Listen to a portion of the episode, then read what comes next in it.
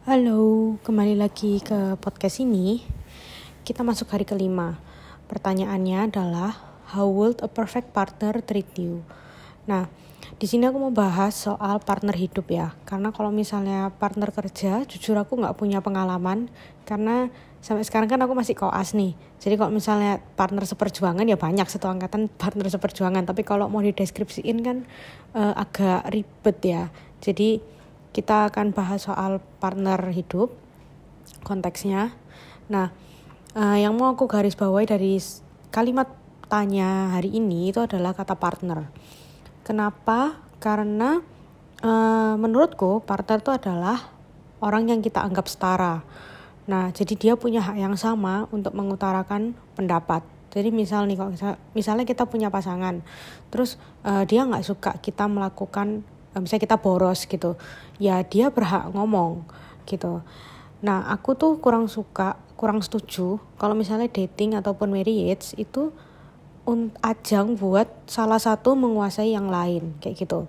Nah uh, sebelumnya aku mau kasih disclaimer dulu kalau mungkin nanti di sepanjang podcast ini akan ada contoh kasus dengan gender tertentu itu bukan berarti aku mengeneralisasi gender tersebut ya. Uh, kebanyakan sih pasti bisa dilakukan dari cowok ke cewek ataupun cewek ke cowok kok kayak gitu. Jadi nggak nggak pandang gender sebenarnya tergantung kedewasaan dari masing-masing orang aja. Nah uh, kita balik ke soal salah satu menguasai yang lain.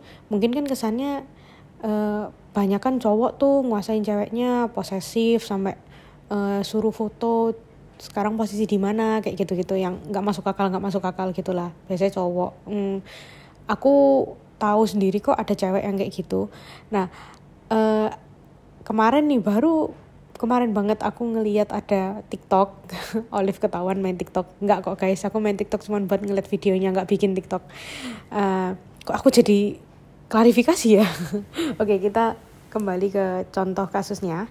Jadi di TikTok ini si ceweknya itu cerita gitu. Dia ngechat cowoknya. Terus cowoknya ini lama balesnya. Terus setelah sekian well, setengah jam gitu lah cowoknya bales. Sayang maaf ya aku tadi tuh main. Aku nggak lihat HP makanya chatmu nggak nggak dibales gitu. Terus ceweknya bilang iya nggak apa-apa. Udah kamu main aja sana gitu. Terus nggak lama dia update status di WA status WhatsApp itu loh. Dia bilang main terus kayak gitu. Ya dengan harapan sih cowoknya baca. Dan ternyata beneran cowoknya baca terus cowoknya kayak minta maaf gitu. Lo sayang kamu kenapa uh, ini kok kok marah? Gitu. Tadi bilangnya nggak apa-apa.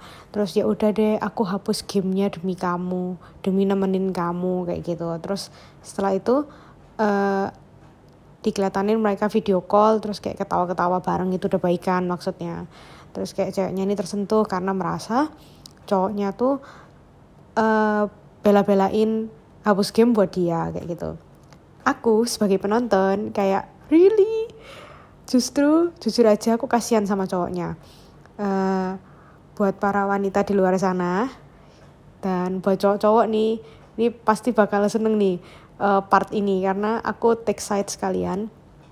Cowok tuh butuh hobi guys. Jadi selama dia tahu diri menjalani hobinya ya udahlah nggak apa-apa kasih aja gitu. Nggak usah ngapa-ngapa nggak jelas kalau dia main game selama dia ngabari selama memang uh, dia beneran main game gitu ya udahlah gitu loh. Kalaupun memang dia niat yang aneh-aneh ya lepas aja kayak gitu. Ngapain mempertahankan orang yang niatnya udah macam-macam tapi menurutku itu hobi itu perlu buat cowok gitu.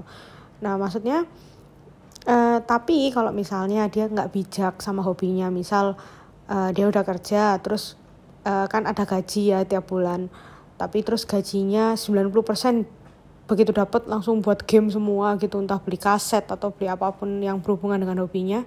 Nah itu baru nggak bijak. Tapi uh, dan kalian boleh marah gitu. Maksudnya ngingetin mereka sebagai partner yang setara.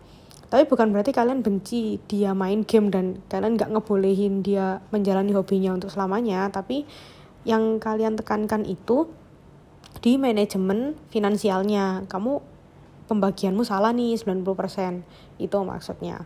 Nah uh, terus juga uh, partner itu juga bukan salah satu pijakan tangga. Maksudnya gini uh, partner itu adalah orang yang harusnya berdiri di sebelah kalian naik tangga bareng ngerasain nikmatnya bareng-bareng. Kalau kalian uh, ada kenaikan dalam taraf hidup ataupun mengalami kenaikan dalam hidup inilah nggak harus soal ekonomi apa pun itulah dia yang dia juga yang harusnya ngerasain manisnya juga gitu. Aku sering ngeliat juga pasangan-pasangan yang uh, cowoknya udah bantuin sampai kayak gimana jelek-jeleknya tapi begitu dapat enaknya udah nih cowok ditinggalin kayak gitu. Dengan alasan yang nggak jelas lah tentunya.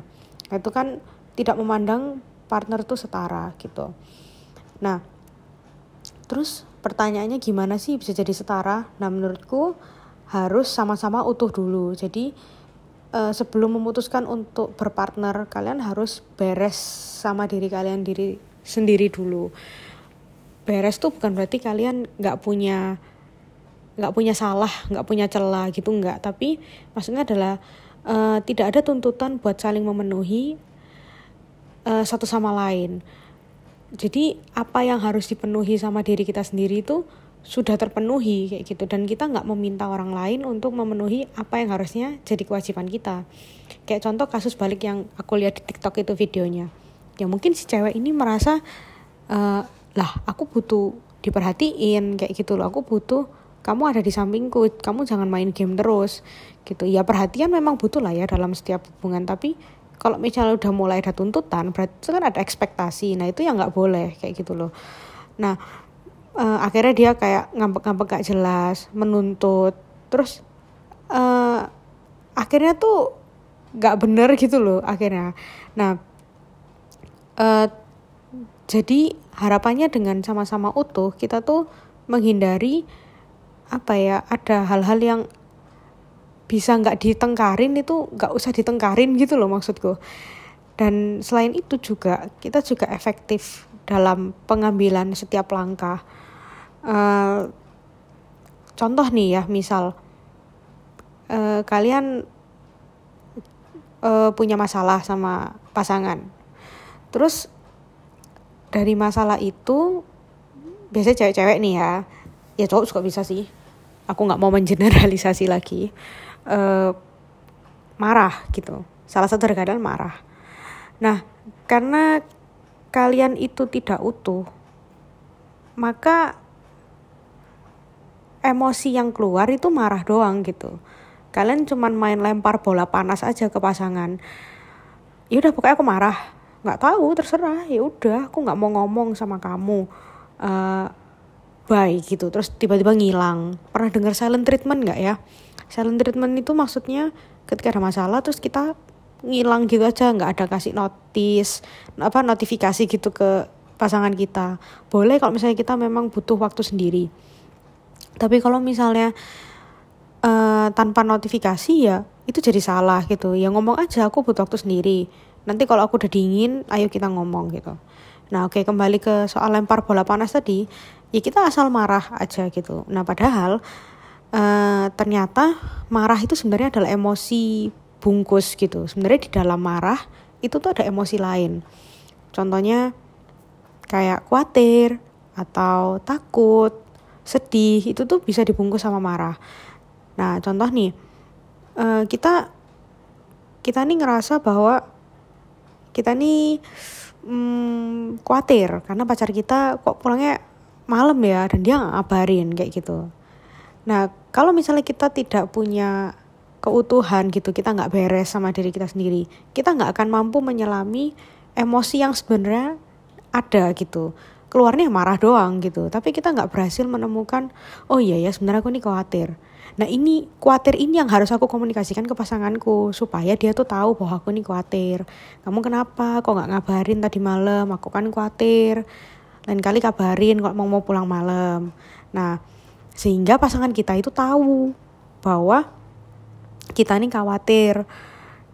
Jadi kalau misalnya nanti in the future uh, pasangan kita tuh mengulangi hal yang sama lagi.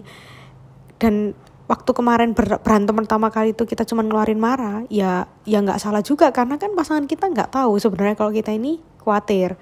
Karena tidak ada komunikasi di soal khawatir khawatir ini gitu loh. Jadi ya dia nggak nyadar kalau kita ini khawatir.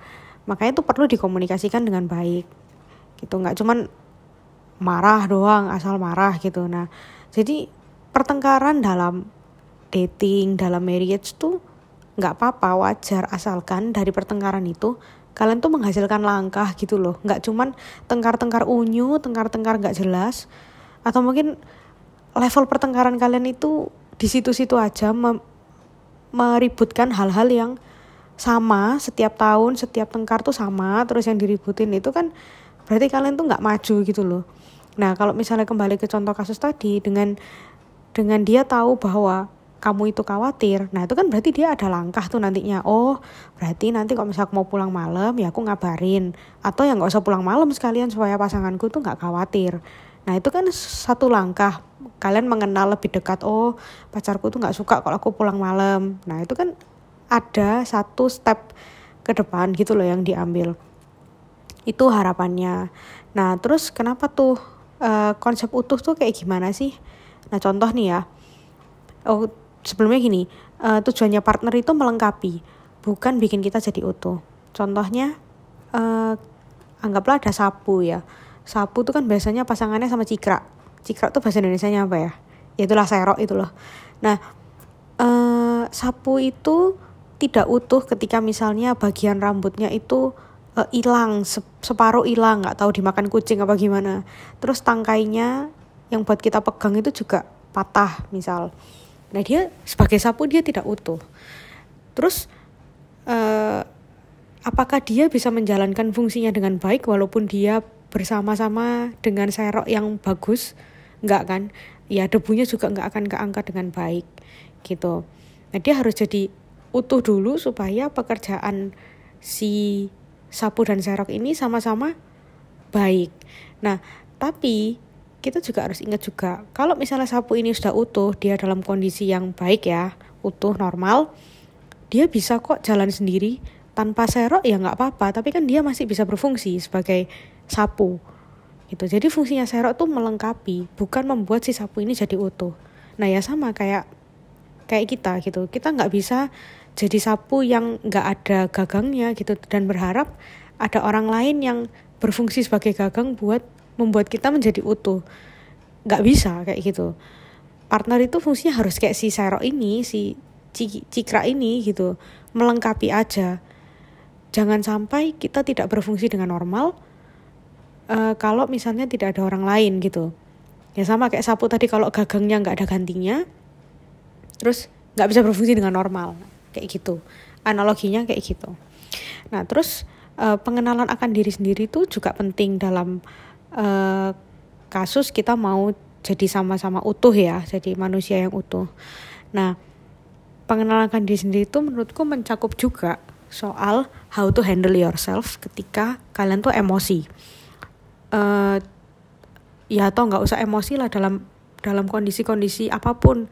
Ketika kalian sedih ketika kalian marah ketika kalian happy sekalipun gitu kalian tuh tahu oh aku tuh menempatkan diri seperti ini seperti ini seperti ini gitu. Banyak loh aku melihat orang-orang yang dia bahkan nggak tahu apa yang dia butuhkan ketika dia sedih misal.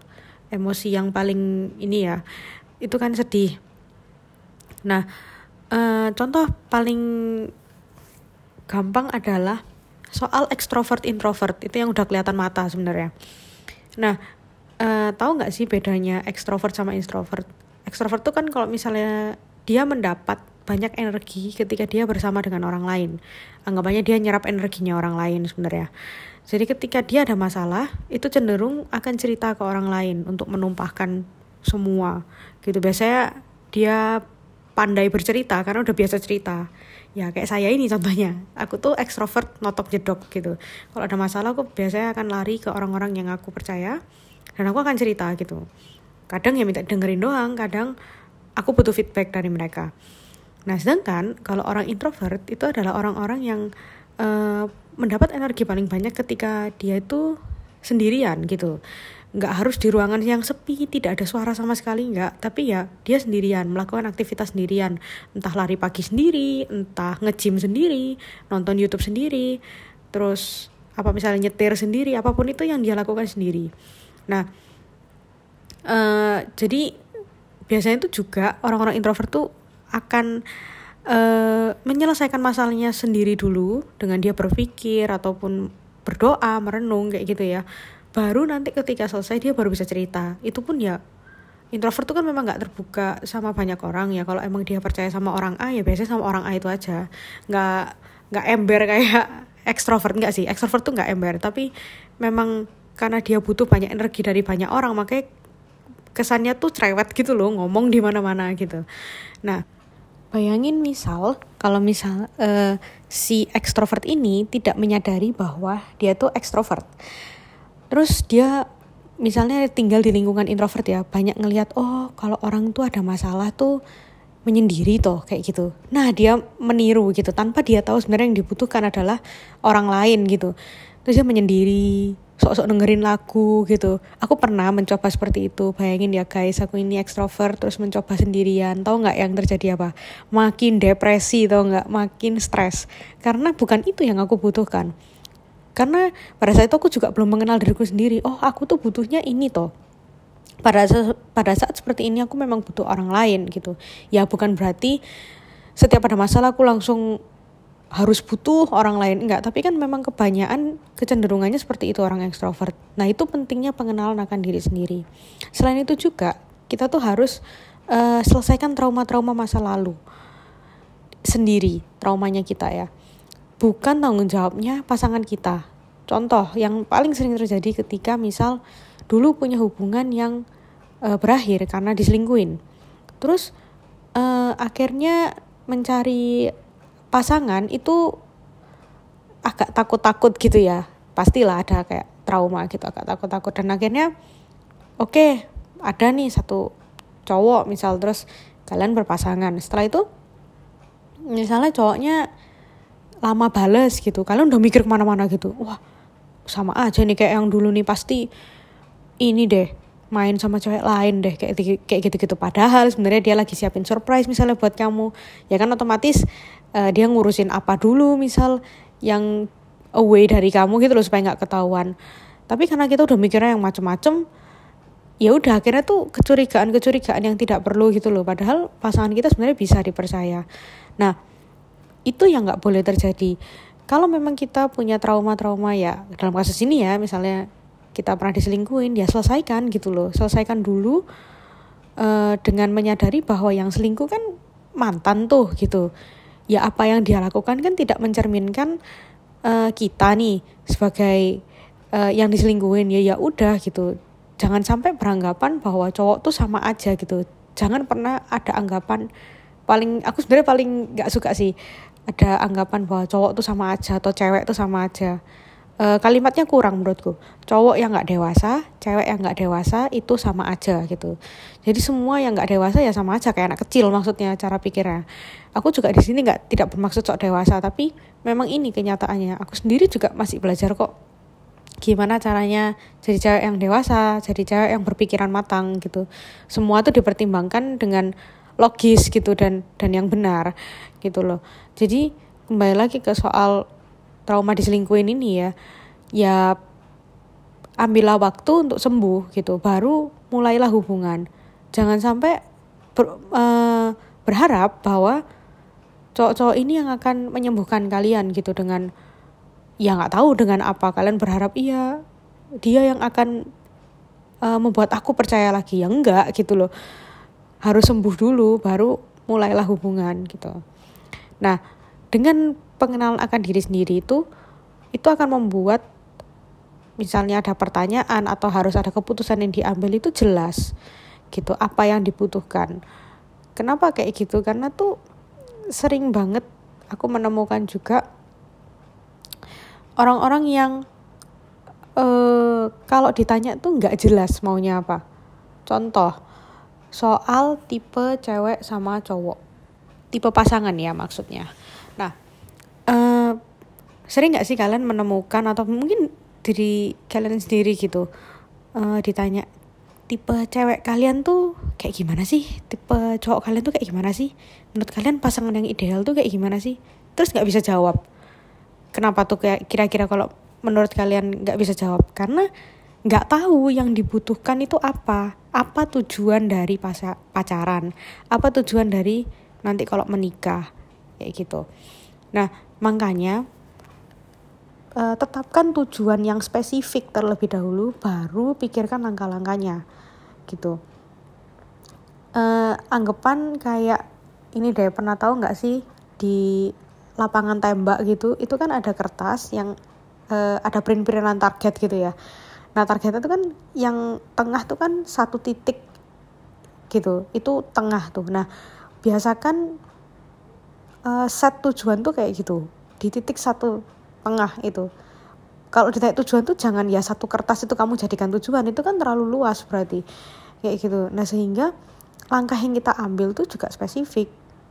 Ya aku nggak tahu ya kalau misalnya orang lain tuh ditanya tujuan pacaran apa. Ada yang buat seneng-seneng doang ada yang cuma buat pajangan. Cuman buat uh, pasokan perhatian pasokan uh, ngasih makan ego itu kan macam-macam ya orang. Tapi kok misalnya aku ditanya tujuan pacaran apa ya jelas ke pernikahan kayak gitu. Nah nah sekarang oke okay, emang di dalam pernikahan apa yang kamu butuhkan dari pasangan gitu? Ya jelas pasangan yang setia pasangan yang mau bertumbuh bersama mau uh, punya yang dewasa juga terus apa ya mau dikritik kalau memang salah dan mau juga ngeritik aku kalau misalnya aku tuh juga salah. Nah kayak contoh-contoh list seperti itu. Kenapa aku bisa ngelis dengan gampang ya? Karena aku tahu apa tujuannya gitu loh. Jadi uh, kenapa aku tahu tujuannya? Karena aku udah kenal diriku sendiri. Uh, misal nih kayak ini ini agak konyol sih ya. Sebenarnya tidak tidak apa ya? Tidak baku sebenarnya. Yang aku akan katakan ini ya ada sih pasangan-pasangan lain yang tidak melakukan apa yang aku impikan. Nanti kok misalnya emang uh, aku punya pasangan. Aku tuh jujur pengen punya pasangan yang pendiam. Karena apa? Aku cerewet. Kalau misalnya sama-sama cerewet tuh meledak rumah tuh. Gitu sih. Tapi ada juga kok pasangan yang dua-duanya cerewet kayak gitu. Dan aku tidak akan menutup pintu buat mungkin nanti cowok-cowok yang cenderung cerewet cenderung uh, vokal juga ngomong gitu ya nggak apa-apa juga. Ya selama nilai-nilai yang terpenting itu terpenuhi kayak gitu ya. Kalau yang paling penting tidak terpenuhi ya ya nggak usah mending kayak gitu loh. Tapi itu kan kriteria yang apa ya ya bisa iya bisa enggak gitu. Tapi kan aku jelas maunya. Karena aku tuh mau rumahku tuh damai gitu nggak nggak dua-duanya ngomong terus. Itu sih salah satu contohnya. Jadi ya uh, biasakan punya target yang jelas supaya langkah-langkahnya jelas gitu. Jadi oh mau ke pernikahan toh men, uh, pacaran tuh untuk ke pernikahan orientasinya gitu. Jangan sampai kita tuh melangkah dulu terus baru mikir apa tujuannya kan nggak ada ya kalau kalian ke terminal itu bus jalan dulu terus baru ditetapkan. Oke okay, bus ini akan ke kota A. Misalnya kan ya enggak kan udah ditetapkan dulu. Bis ini ke kota A. Siapa yang mau ikut ya ayo masuk. Udah jalan ya ke kota A pasti. Kayak gitu kan. Nah uh, makanya uh, ini nih contoh kasus kalau misalnya jalan dulu baru menetapkan tujuan. Ya nanti pacaran dulu ya udah nggak mikir pokoknya pacaran aja ntar tahu-tahu hamil. Ntar begitu hamil baru memutuskan buat menikah. Lah jadi tujuan menikah nih karena si cewek hamil ya sebagai wujud tanggung jawab. Ya kan itu nggak bijaksana kayak gitu loh. Dan itu nggak benar. Ada banyak hal yang harus diuji dari pasangan. Nggak cuman sekedar oh iya dia seiman uh, dia cocok pekerjaannya oke. okay, gitu. Kalian nggak tahu di belakangnya itu ada apa gitu loh. Aku juga nggak bilang kok apa yang ada di belakangku masa laluku itu ya nggak kebagus-bagusan banget. Tapi kalau nanti aku punya pasangan aku berharap dia tahu apa yang ada di apa masa laluku seperti apa luka-lukaku seperti apa. Bukan untuk dia yang menyembuhkan tapi menurutku dia harus tahu gitu supaya apa ya sama-sama jelas gitu loh. Jalan itu sama orang yang uh, jelas nggak nggak yang ini tuh aku jalan sama siapa ya kayak gitu. Dan aku juga berharap pasanganku nanti itu membeberkan semua juga apa yang terjadi sama dia di masa lalu bagaimana masa lalu membentuk dia saat ini. Itu tuh penting gitu loh karena supaya kita tuh tahu oh dia melakukan A karena dulu diginikan toh. Nah kayak gitu loh itu tuh kan berpengaruh juga. Itu sih. Jadi uh, kalau kita kembali lagi ke pertanyaan pertama how will a perfect partner treat you? Menurutku adalah partner yang uh, menganggap aku tuh setara sama dia. Kalau memang cuman buat dikuasai nggak usah cari partner cari pembantu aja gimana? Ya kan?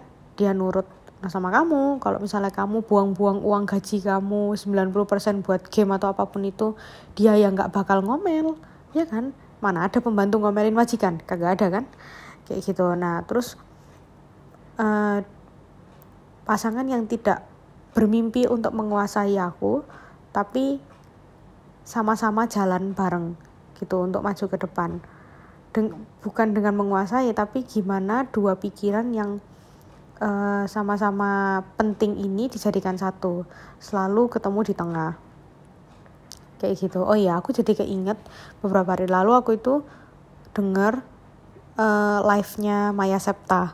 Tau nggak ya Maya Septa yang di ini talk show itu loh si teh bohai buatan Maya itu?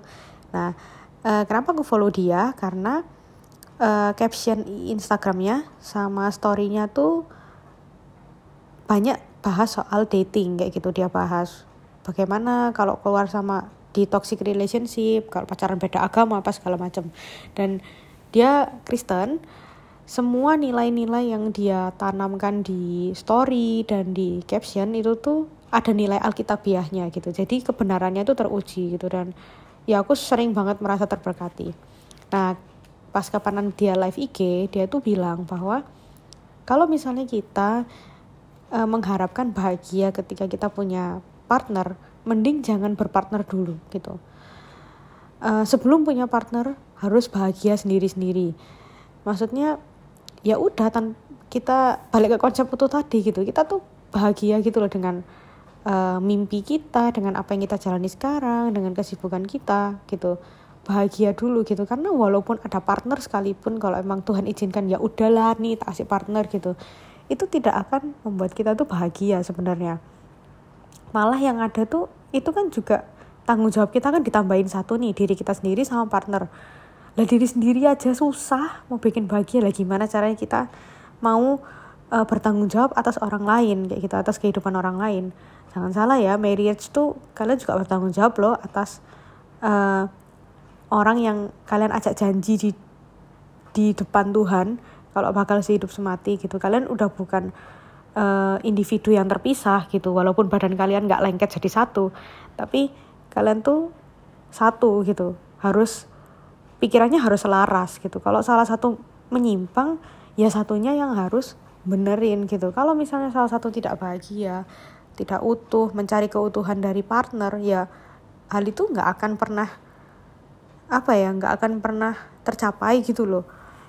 Nah itu nampol sih buat aku. Kayak jujur belakangan ini tuh mikir kayak hmm nggak punya pacar. Pengen sih punya pacar soalnya pengen diperhatiin ya itu udah salah gitu loh motivasi yang salah.